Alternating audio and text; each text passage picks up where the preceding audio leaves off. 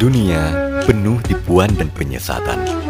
Pastikan perjalanan hidup kita adalah perjalanan menuju surga.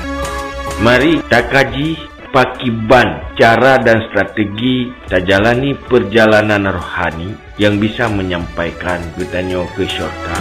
Tiada jalan lain selain mencari petunjuk lewat ilmunya para ulama.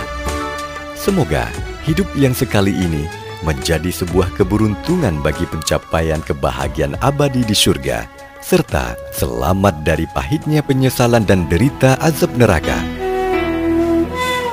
Fa'amman nafsu fa'asyaduha. Maka adapun nafsu, maka seberat-berat tantangan. Waspadalah, jangan sampai perjalanan hidup ini berujung malapetaka neraka. Mari jadikan hidup ini penuh nikmat lewat ibadah.